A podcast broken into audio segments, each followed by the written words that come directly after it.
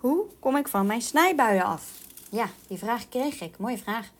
Want uh, die is interessant. Dan heb ik gelijk natuurlijk allemaal vragen voor je als je hier tegenaan loopt. Maar die vraag kun je natuurlijk ook gewoon jezelf stellen. Dus ik neem je mee in deze podcast met hoe je hier nou vanaf komt.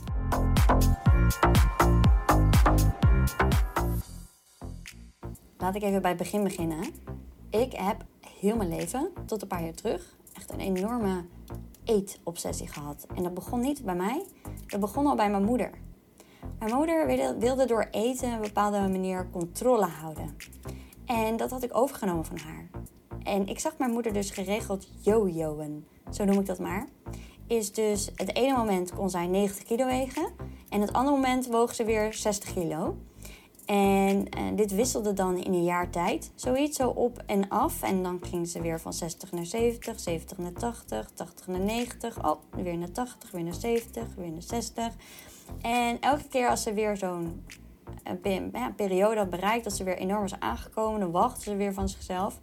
En dan vond ze het ook verschrikkelijk om zichzelf terug te zien op foto's. En vanuit daar ging ze weer heel erg haar best doen met diëten en nou, dat soort dingen allemaal. Tegenwoordig is mijn moeder ook stabiel. Sinds ik stabiel ben, is ook gaan dat het weer werkt. Maar goed, is zij ook stabiel. Want ja, als je dingen oplost in je systeem, los je het niet per se op direct voor de ander. Maar de ander kan dit ook voelbaar voelen en dus daarom het ook oplossen voor zichzelf. Maar goed, dat ga ik je zo uitleggen. Dus vaak is dit al interessant om te gaan kijken in jouw eetpatronen. Uh, of ze te vergelijken zijn met de eetpatronen van jou of je zus, je broer of je eh, vader, je moeder of mm, misschien wel je opa en oma.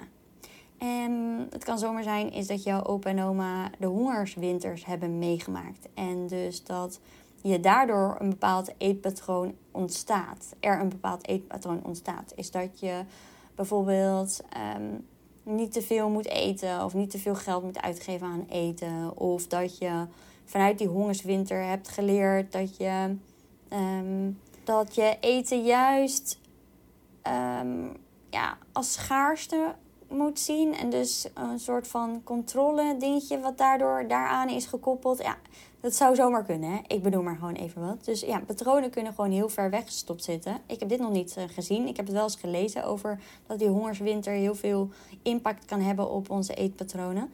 Maar wat ik wel uh, zie dus bij veel mensen is dus dat het overgenomen is van ouders.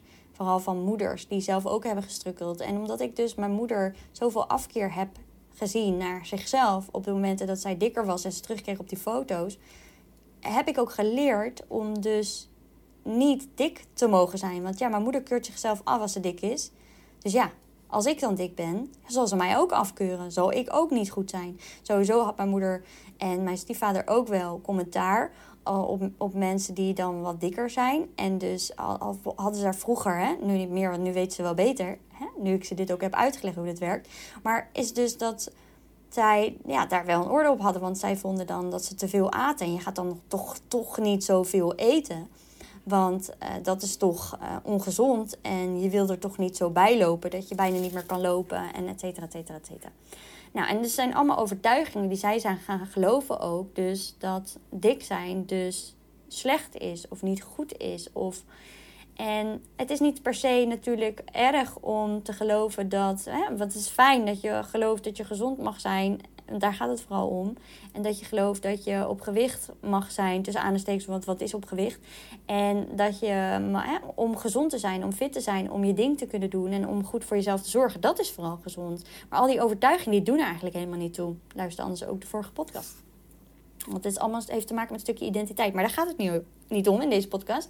Het gaat om die snijbuien. Hoe kom ik van die snijbuien af? Dus nou, check even. Zit het patroon alleen in jou of zit het ook hè, in combinatie met je moeder?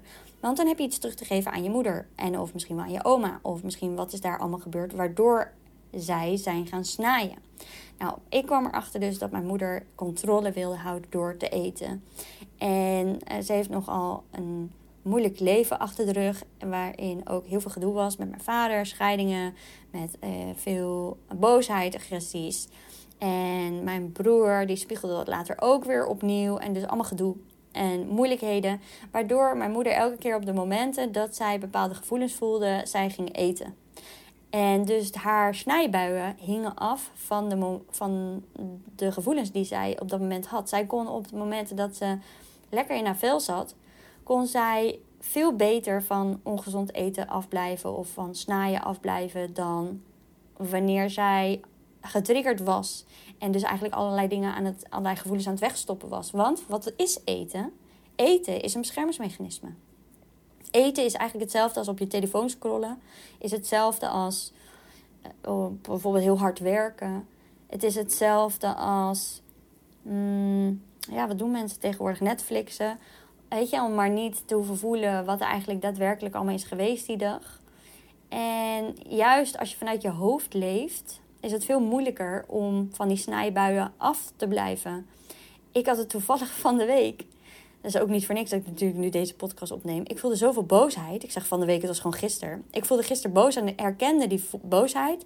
Ik zei tegen mensen, ik voel die boosheid. En ik voel zo dat ik nu zo graag even mens wil zijn. En dat ik net zoals iedereen gewoon nu even die pak maiswafels pak. Ja, daar, waar hebben we het over? Met boter en hagelslag. En dat ik zo zin heb om deze hele pak met maiswafels, boter en hagelslag op te eten. Nou, ik heb er uiteindelijk zes gegeten, zodat ik echt proepje voel. Maar die behoefte heb ik dan. Voorheen kon ik dan ook echt wel zakken chips eten en, en, uh, of uh, chocola of whatever. Dat doe ik niet meer. Maar toevallig kwam deze weer, nou ik zeker wel denk ik een jaar of zo. Want ik heb het echt heel lang niet meer gehad. Maar ik voelde heel sterk, oké bij boosheid dus wordt hij nog wel eens opgeroepen. En ik herken hem altijd en ik kan 9 van de 10 keer dus, nou ja, hè, eh, als het één keer per jaar een keertje voorkomt, of misschien twee, drie keer per jaar kan ook. Maar is dat dat ik dat dan een keertje doe op deze manier? Nou, dat is natuurlijk te overzien. Maar als jij dit um, continu gespiegeld krijgt, is dus dat wanneer er iets gebeurt, jij naar eten grijpt en jij wil snijden of wil overeten of niet kan stoppen, dan is het interessant om eens te gaan kijken: oké, wat zijn de momenten dat ik ga snijden? Wat gebeurt er dan? Welke situatie is daar geweest waardoor ik reageer vanuit mijn gedrag op eten. En dus wat voel ik eigenlijk? Wat voel ik eigenlijk waardoor ik ga eten? Of welke gedachten heb ik eigenlijk waardoor ik ga eten? Dus dat opmerken en, en, en elke keer weer zien wat eigenlijk het patroon is waardoor jij gaat eten. Waardoor jij dus gaat snijden. En je waarschijnlijk daarna weer schuldig gaat voelen. Het kan ook zijn, hè, want er zit altijd een gevoel onder, er zit altijd een gedachte onder. En er zitten dus ook overtuigingen onder. Want ik geloof dus ook heel erg, want het is mijn grootste shift geweest in mijn eetpatroon. Is op het moment dat ik weer was, ben gaan, ik zeg was, maar ben gaan geloven dat ik het waard ben. Dat ik het waard ben om er mooi uit te zien. Dat ik het waard ben om um, uh, liefde te mogen ontvangen. Dat ik het waard ben om te bestaan, om te leven. Dat ik hier mag zijn. Toen ik dit diep in mijn kern ben gaan voelen, want er zaten overtuigingen bij mij. En bij heel veel mensen die ik begeleid, die hebben deze hele diep, diep, diep, diep, diepe, diepe overtuigingen. Waardoor we dus niet goed voor onszelf kunnen zorgen. En dus of het ene uiterste doen, net zoals ik heb gedaan, uiterst mate veel sporten. Ik ging altijd elke dag sporten. Ik was geobsedeerd met eten bezig. Ik was altijd aan het voet trekken. Ik was echt zo'n fit chick een paar jaar geleden. Voor de kinderen nog. Dus dan heb ik het over zeven jaar geleden acht jaar geleden. En toen was ik zo daarmee. Dat was mijn manier dus om controle te hebben. Om dus niet te hoeven voelen dat ik eigenlijk geloof over mezelf. Dat ik het niet waard ben om geluk te ervaren. Of hè, om uh, te genieten of blijdschap. En dus dan ging ik dus slecht voor mezelf zorgen om zo bevestigd te krijgen. Zie je?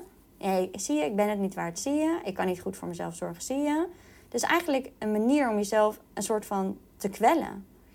En dus het, het gaat zoveel dieper. Deze beschermingsmechanismen, het snaaien, het eten, controle willen houden op eten, dan je voor ogen kunt houden. We denken daarom vaak het te kunnen oplossen met um, diëten of of sapjes, kuurtjes of wat je dan ook maar doet. Maar daarmee los je natuurlijk het probleem niet op. Het zit zo, er zit iets onderliggends onder. Er zit een onzekerheid onder, een angst onder. En die is zoveel groter dan jij nu kunt bevatten. Waardoor je dus ook in de patroon belandt. Want anders kan je hem wel tackelen, al veel eerder dan in het gedrag. Maar blijkbaar hè, kom je bij het gedrag uit. En kun je hem daar pas opmerken als het is gebeurd. Dus als, gevolg, als je gevolgen daarvan hebt. Als je dus na het eten baalt van jezelf. En had gewild dat je dit niet had gedaan. En nu vindt dat je moet sporten. En vindt dat je dit en dit en dit moet doen de volgende dag om weer balans te ervaren. En daardoor honger lijdt en niet lekker in je vel zit en gehumeurd wordt. En dus ruzie krijgt met je partner. En dus dat zijn de gevolgen. Dus je bent helemaal aan het einde van je patroon als je erachter komt dat het snijden misschien helemaal niet zo prettig voor je is. En dus daarvoor, even als we het dan patroon toch hier uitleggen, je hebt dus die gevolgen. Dus dat is dan hè, dat je baalt achteraf. En waardoor je dus uh, ja, uh, slecht, nog slechter voor jezelf gaat zorgen door eigenlijk jezelf geen eten te geven bijvoorbeeld. En dan daarvoor zit dus je gedrag, dus dat je gaat overeten. Daarvoor zit dus je gevoel, je emotie. En dus de reden dat je bent gaan snijden. En daarvoor zitten dus de gedachten. De gedachten die je hebt waardoor je in dat gevoel stapt. Dus bijvoorbeeld, uh, ik ben niet goed genoeg. Oh, ik kan het toch niet. Of, um, oh, diegene haat mij. Gaat me verlaten. Het kan zijn dat je juist niet gaat eten. Dat kan ook, hè. Of het gaat, kan zijn dat je juist heel veel gaat eten. De iedereen, iedereen reageert hier anders op. En het heeft allemaal te maken met controle. Dus of je nou niet gaat eten of wel gaat eten. En, en, en uit die gedachte, voor die gedachte, zit natuurlijk een overtuiging. Een overtuiging, ik ben het niet waard, ik ben niet goed genoeg, ik doe het niet goed, ik mag er niet zijn. Nou, al die kernovertuigingen, waar natuurlijk ook weer allerlei overtuigingen aan vastzitten. Dus ja, je hoort het al. Als je van je snijbuien weer afkomen, voor goed, en je helemaal klaar bent om, ja, om de hele tijd of overgewicht te hebben of die struggle te voelen in, in het eten, dan is het belangrijk dat je uh, actie gaat ondernemen in je patronen. En je gaat zien dus waar dit is ontstaan en hoe je dit kunt doorbreken. En dit kun je eigenlijk niet alleen, omdat dit 9 van de 10 keer teruggaat in het systeem. En vaak al zelfs begint bij de geboorte. En ook dit, hè, want ik begeleid ook iemand die wil het ook heel graag. Die wil hier ook uh, rust in vinden. En die uh, vindt dat ze overgewicht heeft. Ze heeft diabetes, maar al vanaf de geboorte. En ze heeft daar allerlei klachten van. Ze wil er van af. En we zijn nu een tijdje bezig en stap voor stap doorbreken we oude patronen, oude stukken. En, en er zitten zoveel shit kan eronder liggen om los te komen van dit patroon. Dus bij de een is het heel makkelijk op te lossen. Het is maar net hoe hè, het leven jou, welk lot jou heeft gegeven. Met welk, in welk familiesysteem je bent beland. En, en uh, welke lessen je daaruit hebt te leren. En bij de ander, ja, die, die moet echt door. Er staat dit hele eetstuk uh, centraal voor. En is de grootste valkuil. En daar zit dus een heel netwerk aan overtuiging onder. Eh, om dat te dan te gaan doorbreken. En dus ja, het is maar net dus. Kom je hier snel vanaf? Ja, dat hangt dus heel erg van de persoon af. Van hoe jouw rugzak eruit ziet. En in welk systeem jij bent beland. En wat je daarvan allemaal over bent gaan nemen, gaan nemen. En wat je daardoor allemaal bent gaan geloven. En wat daar nog verder allemaal aan vast zit. En daarom werk ik ook met mensen altijd in zes maanden trajecten. Want dus dit is nooit één dingetje wat je even shift en daarna er vanaf bent. Want anders was het al uit je leven geweest. Daarom zit je hier nu in. Is, hè, als je doet wat je altijd deed, krijg je wat je altijd kreeg. Zeg ik altijd. En dus als je iets wil veranderen, moet je iets anders doen. Maar als je iets anders wilt doen, moet je iets anders voelen. Moet je iets anders denken en iets anders geloven. Hoor je het al? Dus dat hele cirkeltje moet onderzocht worden. En vanuit daar bij die kern komen. En laat, laat je nou in ieder geval bij Joline zijn, die hier echt vet snel doorheen kan prikken. En dus vanuit elke sessie direct naar die kern kan komen. En dus in ieder geval van elke overtuiging elke die kern eruit kan trekken, plus nog een beetje meer.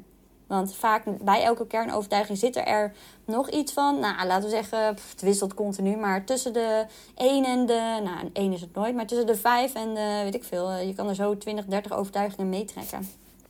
En we zijn zoveel gaan geloven over onszelf. En dat is allemaal opgeslagen in onze onderbewuste.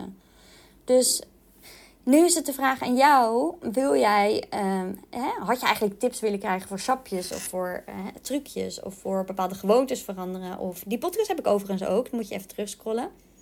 Een heel tijd geleden, volgens mij een beetje helemaal in het begin, heb ik uh, daar een, een, podcast over opgenomen. Dus ik heb ook wel een podcast met trucjes, maar uiteindelijk gaat het je niet helpen. En daarom doe ik wat dat betreft, ik kan wat tips geven, maar Ehm, die blijven oppervlakkig. Die blijven je terug laten keren in bepaalde visuele cirkels en patronen. En dat is niet wat ik wil, want ik weet dat ik jou daar niet mee ga helpen. Dus ik wil je vooral nu ook met deze podcast het inzicht geven, is waar het hem eigenlijk mee te maken heeft. En jou bewust laten worden Zodat je ieder vanuit daar andere acties kunt gaan ondernemen en kan gaan voelen wat je nodig hebt hierbij. Nou, en mocht je voelen dat je hier ook zo klaar mee bent en uit het patroon willen stappen, dan weet je, als je dit voelt bij mij en voel je vrij bij iedereen om je heen om te gaan voelen bij wie je dit wil doen en wie er verstand van heeft, uh, om die wortel eh, van jou, van dit patroon eruit te trekken, onder andere, dan kun je naar www.lean-vorm.nl slash geen slash, dat was hem. En kun je een gratis gesprek aanvragen en dan kletsen we even over jouw situatie, jouw uitdagingen, verlangens en hoe ik je daarbij kan helpen. En, eh, of ga even naar lean-forward, kan ook. En dan kun je daar even een vrijblijvend gesprek aanvragen. Als je andere vragen over hebt, laat het me weten. Uh, als ik ergens veel over weet, is het wel over eten en over sporten. Omdat ik heb sportles gegeven. Ik heb mensen ook voedingsadvies gegeven. Daar kom ik vandaan. Dat is mijn bedrijf hiervoor. Forward was eigenlijk een, een sportbedrijf. En eh, dat heb ik later omgetuned naar een, een coach-therapeut-achtig bedrijf. Ja, coaching is eigenlijk kijken naar de toekomst. Hè? Therapie is kijken naar het verleden. Ik kijk naar het verleden en vanuit daar naar de toekomst. Dus het is een beetje een combinatie van beide. En dus daarin gebruik ik dus um, werken met overtuigingen en gaan we naar het onderbewuste. Uh, dus ja, ik uh, wil echt je met liefde natuurlijk allerlei tips meegeven. Dat doe ik ook wel eens in de sessies. Hè? Want het is niet alleen maar overtuigingen. Het is ook natuurlijk wel uh, dat je bepaalde trucjes moet kennen in eten. En een bepaalde balans mag vinden.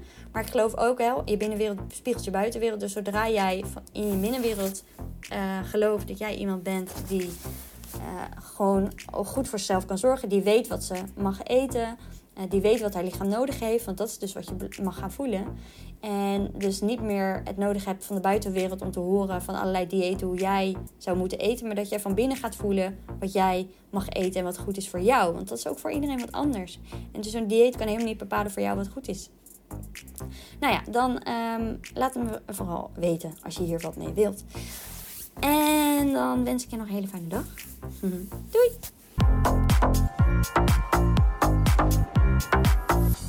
Super leuk dat je geluisterd hebt naar deze Lean Forward podcast. Mocht je voelen, ja, yeah, te gekke podcast, hier heb ik echt wat aan. Dit inspireert me.